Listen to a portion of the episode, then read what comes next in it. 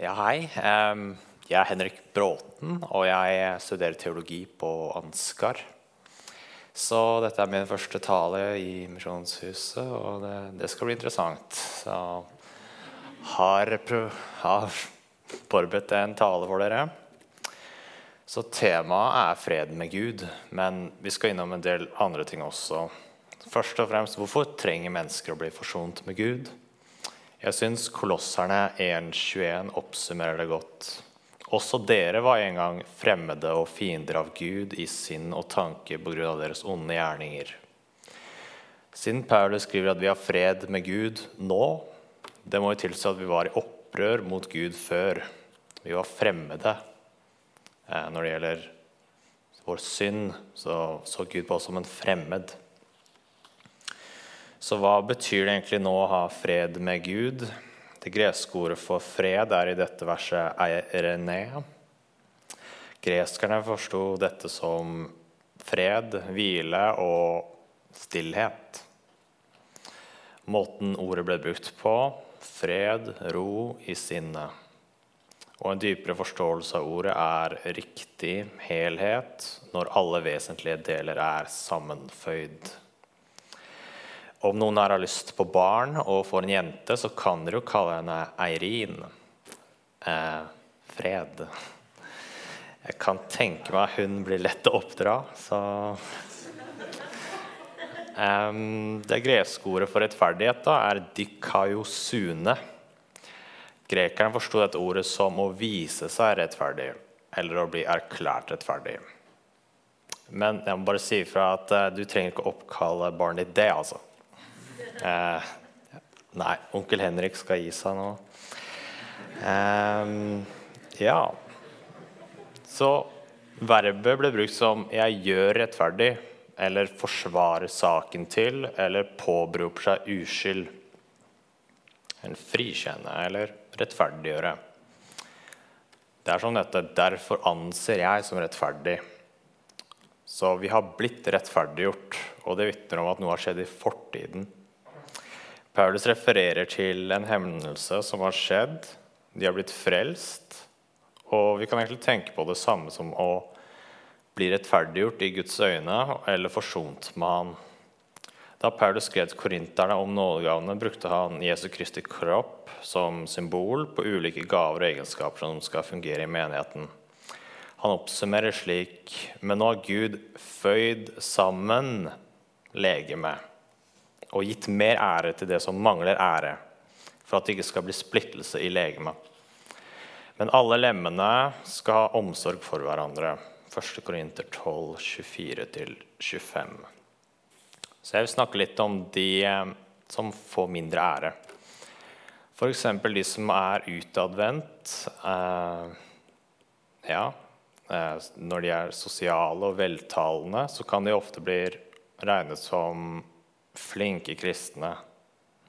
Mens de som er innadvendt, ensomme og sjenerte, kan bli mindre ansett.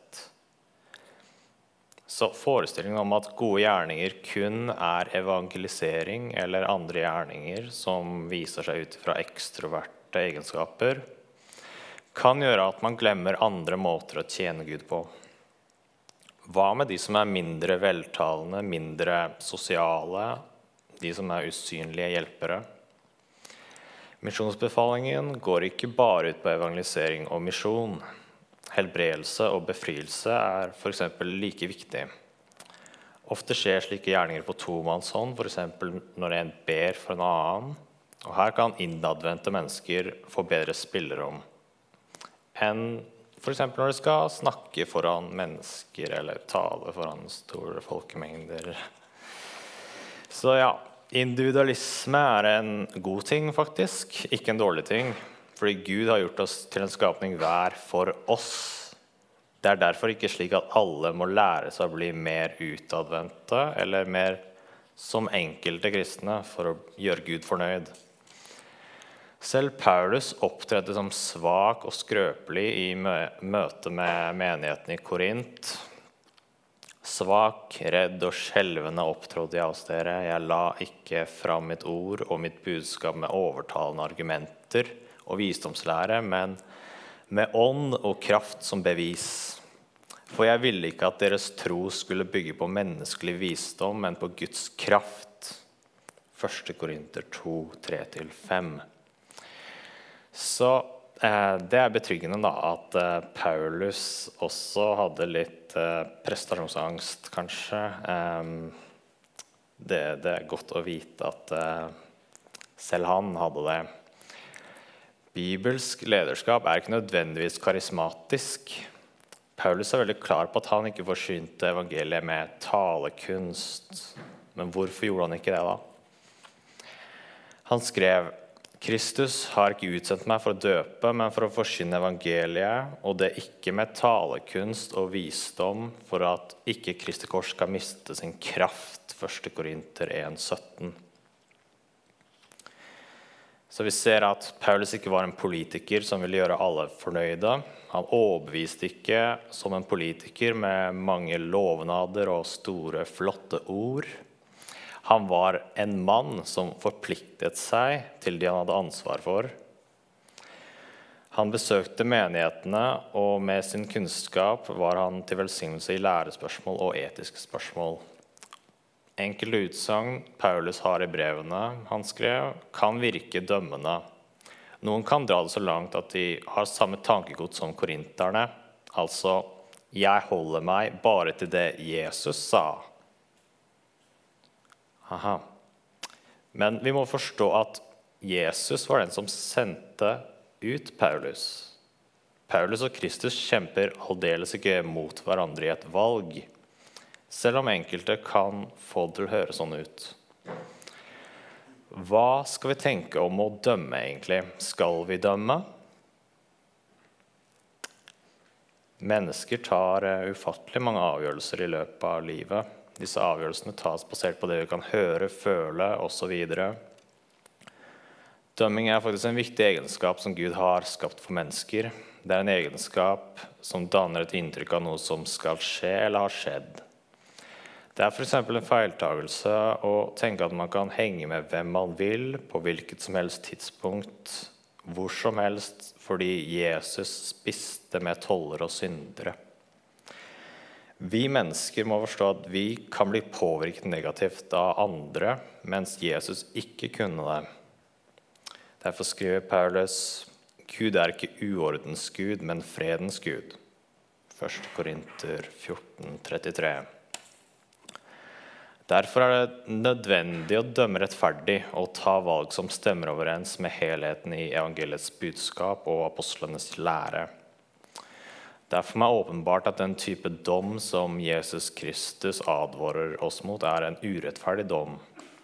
For han sier i Johannes 7, 24.: Døm ikke etter det dere ser, men døm rettferdig. Det verset kan ofte bli glemt. Um, samfunnet i den tiden vi lever i, mangler dette. Det å holde hverandre ansvarlig og ta ansvar selv. De som gjør denne upopulære jobben, blir ofte stemplet som dømmende. Altså, de blir misforstått. Men overfor Gud har vi faktisk et ansvar når det kommer til å irettesette. Vi kan ikke være med på alt, og vi kan ikke finne oss i alt. Paulus skriver, 'Hva har jeg med å dømme dem som står utenfor?' Er det ikke de som står innenfor, dere skal dømme? De som står utenfor, skal Gud dømme. 1. Korinter 5, 12-13. Vi skal ha omsorg for hverandre. Men jeg vil si at det er omsorg å advare, beskytte og veilede, og til og med ha vanskelige samtaler for å bedre seg selv og andre. Paulus oppfordrer oss til å dømme oss selv. Omsorg er ikke bare kos og toleranse. Sann omsorg er ikke å si ja til alt. Det å verifisere ugudelig oppførsel er ikke sann omsorg eller sann nestekjærlighet. Paulus var streng med korinterne i hans første brev, for i sitt andre brev skriver han til dem Nedtrykt og med angst i hjertet skrev jeg til dere. Jeg kunne ikke holde tårene tilbake. Det var ikke for å gjøre dere bedrøvet at jeg skrev. Men for at dere skulle forstå hvor glad jeg er i dere. Dette er et viktig aspekt av sann omsorg og kjærlighet, som ofte misforstås som dømming. Hadde Paulus vært likegyldig mot dem, en slags yes man, eh, da hadde de ikke blitt bedre mennesker. Når det gjelder Guds fred, så er det en historie med Martha og Maria i Lukas 10, 38-42. På vei kom han til en landsby hvor en kvinne som heter Martha, tok imot ham i sitt hjem. Martha hadde en søster som heter Maria. Hun satte seg ned ved Herrens føtter og lyttet til hans ord. Men Martha var travelt opptatt med alt som kunne stelles i stand. Hun kom bort til dem og sa, 'Herre, bryr du deg ikke om at min søster lar meg gjøre alt arbeidet alene?' Si til henne at hun skal hjelpe meg. Men Herren svarte, 'Martha, Martha, du gjør deg selv mye strev og uro med mange ting, men ett er nødvendig.' Maria har valgt den gode del, og den skal ikke bli tatt fra henne. Den gode del, sier han. Men hvordan skal vi forstå dette, og hva det betyr, når det ikke er så vanlig for oss å snakke om troen som 'den gode del'? Når man dykker dypere i hva det greske ordet for 'del' betyr, vil det si en del som er forskjellig fra mengden. Eller en tildelt del. Ordet ble også brukt som å beskrive en provins. Maria kan ofte bli den glemte, mens Martha får oppmerksomhet, heder og ære. Det er en type religiøsitet som ligner Marthas oppførsel. En slags sjalusi over den fred og relasjon som Maria har med Herren. Noen ganger opplever jeg at denne holdningen får mye spillerom pga. en blanding av rettferdiggjørelse og disippelskap. Den troende gjør ikke gode gjerninger for å beholde seg selv frelst ved anstrengelse. Legg merke til at Jesus sier til Maria at Marias del ikke skal bli tatt fra henne. Jeg tror ikke Martha hadde mye ro i sinnet. Men jeg tror hennes frustrasjon kom fra frykt for at hun ikke var god nok.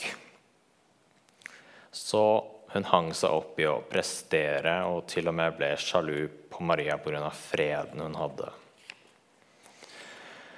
Og Det er et relevant bibelvers som snakker om dette. Israel strakte seg etter loven med dens rettferdighet, men de nådde ikke opp til loven. Hvorfor ikke? Fordi de holdt seg til gjerninger, ikke til tro. De støtte mot snublesteinen. Romerne 9, 31-32. Martha viser oss også at det finnes en type lederskap som handler om å få andre til å gjøre det du vil. Og slik oppfattes ofte ledere. De bestemmer, tar avgjørelser og kan det å påvirke andre. Martha prøvde å påvirke Jesus til å be Maria om å hjelpe til, men det fungerte ikke, selv om hennes forslag var av det normale slaget. Jesus kunne ha sagt at det var et godt forslag, men han så hva som skjedde i den åndelige verden. Det handlet ikke om rydding. Det handlet ikke om matlaging. Det handlet ikke om vasking, men det handlet om at Martha reagerte negativt på Marias gode del. Det står i Romerne 14, 17, For Guds rike består ikke i mat og drikke, men i rettferdighet, fred og glede i Den hellige ånd. Dette mangler Martha. Fred, Guds fred. Om frelsen hvilte på gjerninger, enten før eller etter frelsen, da hadde man jo ikke hatt fred med Gud. Da hadde man stått i fare for å miste sin frelse. Det ligger altså i menneskelig natur å trakte etter høy status, altså å bli ansett eller populær. Men med din nye natur i Guds rike er det motsatt. Det er faktisk den som blir mobbet, utfryst, avvist og forfulgt mentalt eller fysisk, som er de som er velsignet ifølge Herren Jesus Kristus. Og Jeg snakker ikke bare om kristne som opplever dette fra ikke-troende, men jeg snakker like mye om de som har opplevd det innenfor kirken. Budskapet mitt er til de som føler seg glemte, ensomme og avviste. Det er den nye skapningen du har blitt, som definerer hvem du er, ikke bare ting du gjør eller ikke gjør. Spesielt menn kan føle at deres verdi hviler på hva de gjør for andre, hvor hardt man jobber, studerer, eller hvor mye penger man tjener. Ingenting av dette definerer din verdi i Guds rike. De to siste årene har jeg gjort alt for å bli best i alt. Eh, for å bli den smarteste, sunneste, den beste rådgiveren. Men jeg har kommet fram til noe mens jeg skrev den talen. Det er at alt av det er tomhet.